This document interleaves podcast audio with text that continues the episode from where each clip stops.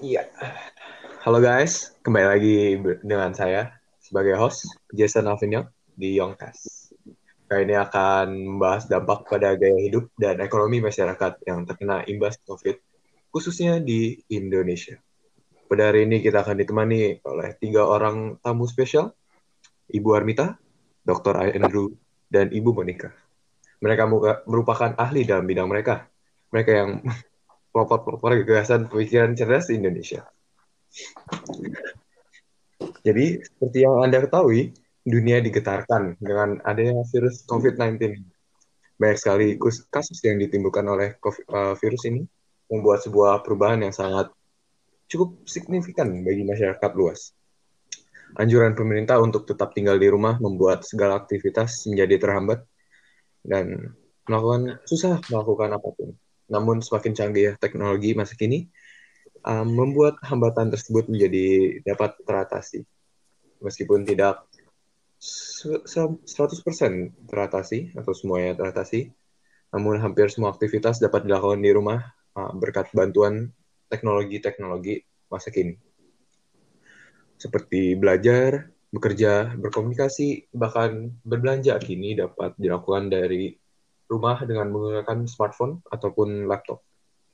Benar, kita uh, kini hampir semuanya serba online dan uh, tentunya hampir semua gaya hidup masyarakat menjadi berubah semenjak virus ini timbul. Jika dikaitkan dengan ekonomi, maka perubahan gaya hidup dalam berbelajar online adalah contoh nyata yang paling terlihat.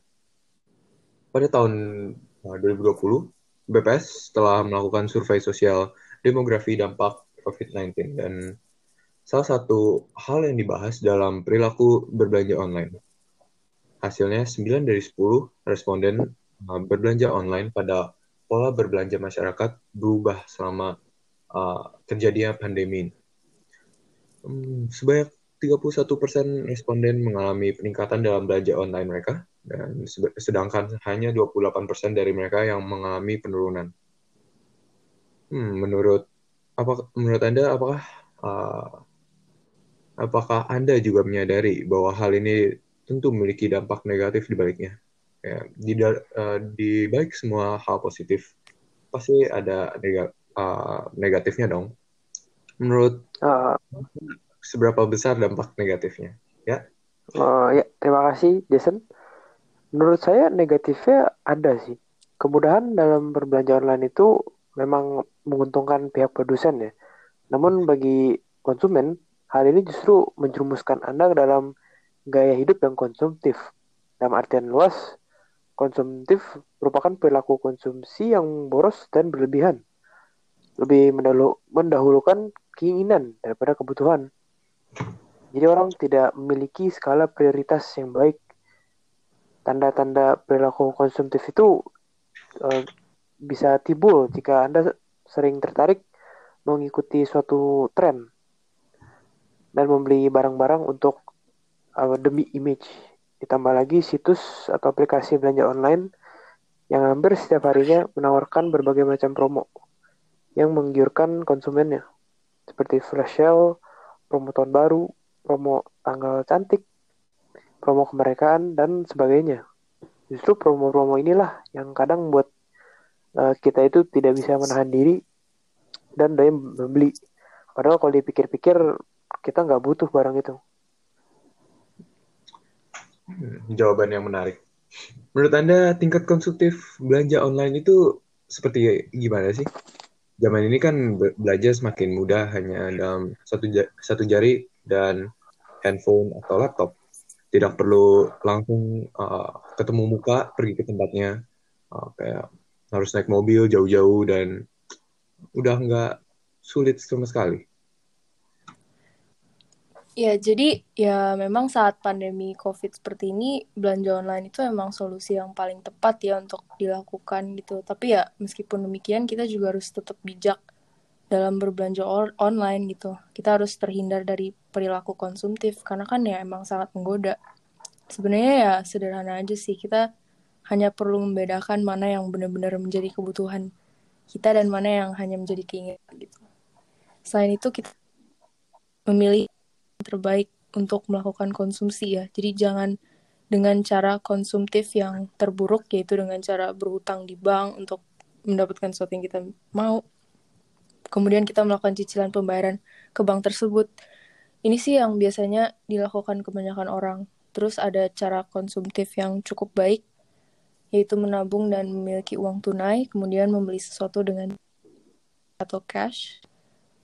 Terus ada juga cara konsumtif yang baik, yang mempunyai uang dengan bunga yang cukup untuk membayar cicilan ke bank. Anda melaktasi atas uang yang Anda punya dan bunga yang bunga yang Anda peroleh itu cukup untuk membayar cicilan ke bank. Dan cara yang konsumtif yang terbaik itu ya ketika kita memiliki uang dan bunga yang kita peroleh itu cukup untuk membeli sesuatu yang kita inginkan secara tunai ya. Artinya sebenarnya kita nggak perlu membelanjakan uang pokok kita gitu jadi ya kita sebenarnya nggak perlu berutang ya untuk mendapatkan barang yang kita inginkan gitu da jadi daripada berhutang di masa sulit seperti ini kan apalagi ya sebaiknya kita melakukan investasi atas uang yang kita punya sampai uang itu cukup untuk memenuhi segala kebutuhan maupun keinginan kita gitu ya jadi meskipun kita cuma bisa di rumah karena covid pemasukan kita tetap berjalan berkat adanya investasi kita. Hmm, caranya bagus ya. Uh, menurut uh, selanjutnya, menurut Ibu Armita, apa apa, pengaruh pandemi uh, virus corona ini terhadap kebiasaan kerja dan berbisnis? Apakah aspek ini juga uh, mempengaruhi akibat uh, terpengaruhi akibat pandemi ini? Sebenarnya kalau berdasarkan survei yang mencoba menganalisa perbedaan perspektif yang mencolok ya antara responden pria bekerja dan responden wanita bekerja itu sebanyak 74% responden wanita bekerja dan 68% bekerja itu merasakan kurang efektif ya bekerja di rumah gitu. Sebenarnya ya lebih ke wanita bekerja di rumah atau work from home itu kurang efektif karena kan selama bekerja dari rumah itu mereka juga harus membagi perhatian dengan mengurus rumah tangga juga gitu.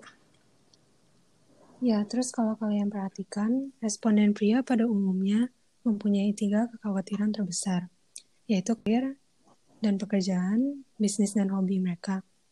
Sangat berbeda dengan responden perempuan yang mempunyai tiga kekhawatiran terbesar, yaitu terganggunya rencana liburan, kebiasaan belanja, dan waktu luang mereka. Lebih dari separuh dari sampel survei ini, 54%, mengatakan mereka harus menunda atau membatalkan rencana bisnis. Tiga besar rencana bisnis yang berdampak adalah investasi, misalnya membeli properti, emas, reksadana, saham, dan lainnya. Rencana belanja dan rencana untuk membuka usaha. Hmm, seperti itu ya. Hmm. Uh, menurut kalau menurut Ibu Arwita, permintaan masyarakat sekarang lebih banyak cenderung ke apa sih? Seperti yang Anda ketahui, kebutuhan masyarakat itu sudah berubah. Ya, pastinya sekarang hmm. uh, yang paling dibutuhkan itu ya produk kesehatan lah ya. Terus keperluan rumah tangga, makanan, minuman gitu yang paling menjadi yang paling banyak dicari konsumen marketplace selama masa uh, pandemi COVID ini bahkan denger-denger tuh Tokopedia itu transaksi ketiga kategori tersebut tuh melonjak hingga tiga kali lipat dibandingkan hari normal yang sebelum COVID itu. Wah, gila. Sampai situ ya? Hmm. Iya. Hmm. Yes. Oh, menurut Bapak Andrew, apa saja perbedaan kebutuhan setelah dan sebelum pandemi itu? Uh, ya, menurut saya setelah pandemi itu barang-barang yang paling dicari konsumen itu barang-barang seperti produk obat dan vitamin ya dan juga bumbu masak. Ini karena sekarang itu banyak orang yang memperhatikan kesehatan mereka karena ingin menghindari virus ini dan tetap sehat. Banyak orang membeli uh, hal seperti obat dan vitamin untuk menjaga tubuh mereka agar selalu dalam kondisi yang terbaik. Dan itu banyak orang juga mulai beli bumbu masak karena mereka juga sering mulai sering masak di rumah dan mulai belajar-belajar sendiri. Ini juga karena orang-orang uh, menjadi tidak dapat sering keluar untuk beli makanan.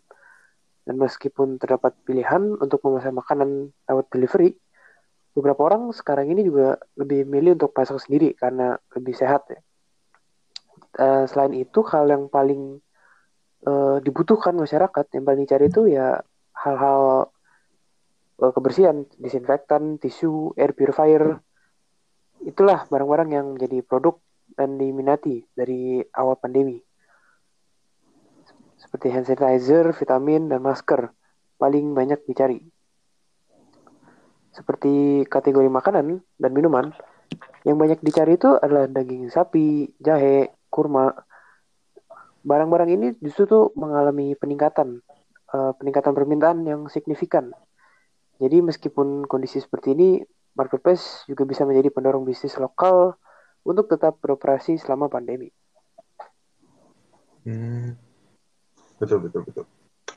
Kalau uh, bagaimana orang jualan selama pandemi ini, Ibu Monik? Pasti ada dampak yang terlihat karena pandemi. Uh, ya. Jadi sebelum pandemi, orang-orang dapat berbelanja di berbagai tempat seperti mall, supermarket, dan pasar. Namun setelah pandemi, mereka banyak yang tidak berani untuk keluar rumah. Karena itu, banyak yang beralih ke online shopping. Online shopping sudah ada sebelum adanya virus corona. Namun, setelah pandemi ini, banyak toko yang mulai memfokuskan toko dan marketing mereka untuk berjualan secara online. Aplikasi seperti Shopee, Tokopedia, Lazada, dan lain-lain mulai untuk benar-benar mempromosikan diri mereka dengan cara memasang iklan di media sosial atau sponsor influencer dan mempekerjakan brand ambassador. Dan untuk para online shopnya sendiri, mereka juga mulai untuk benar-benar mempromosikan diri mereka, terutama lewat media sosial. Toko-toko tersebut mempromosikan diri dengan cara mengadakan diskon, flash sale, menawarkan kupon, dan lain-lain. Dikatakan bahwa 30% dari konsumen berencana untuk lebih banyak berbelanja lewat internet. Selain dari itu, toko dan merek ya, yang sudah besar dan ternama mencari cara baru agar bisnis mereka tetap berjalan. Salah satu contohnya adalah Pizza Hut. Pizza Hut adalah salah satu restoran terkenal di Indonesia yang memiliki banyak cabang. Namun, sama pandemi ini, karena jumlah orang yang memilih untuk keluar rumah untuk makan ke restoran berkurang, mereka mencari cara baru untuk bisnis mereka tetap berjalan yaitu untuk jualan produk mereka di pinggir jalan. Ketika masyarakat pertama tahu tentang hal ini, mereka cukup kaget, karena Pizza Hut merupakan sebuah merek ternama. Namun, menurut Kurniadi Sulistyomo, yaitu Corporate Secretary, mereka tidak melakukan PHK, pemotongan gaji, atau work from home. Karena hal ini, mereka harus mencari cara agar karyawan mereka tetap dapat bekerja dalam situasi pandemi. Pada akhirnya, mereka melakukan penyesuaian dan hasilnya adalah karyawan yang berjualan di pinggir jalan ini. Sangat kreatif ya. Hmm, menurut Anda bagaimana tentang perbedaan harga barang pada masa ini? Jadi karena orang berubah setelah pandemi ini, terdapat beberapa barang yang mengalami kenaikan harga dan terdapat beberapa barang yang mengalami sebaliknya. Satu, hal-hal yang merupakan esensial pada saat pandemi ini seperti masker, hand sanitizer, dan disinfektan menjadi barang-barang yang paling banyak dicari. Pada awal pandemi, masyarakat beramai-ramai membeli semua barang ini. Dan karena stok hanya terbatas, maka harganya makin naik. Menurut Willy Jaja, Ketua Indonesian Non-Woven Association, harga masker di Indonesia naik dari 5 sampai 10 kali lipat harga awalnya. Selain dari harga naik, stok untuk masker ini terbatas. Banyak toko dan apotek yang menjual masker mengakui bahwa mereka kehabisan stok. Ya, sekian dari Yongkes pada hari ini. Kita udah ngebahas segala hal yang berkaitan dengan kehidupan masyarakat di tengah pandemi sekarang ini. Begitu banyak hal yang berubah dari yang positif sampai negatif.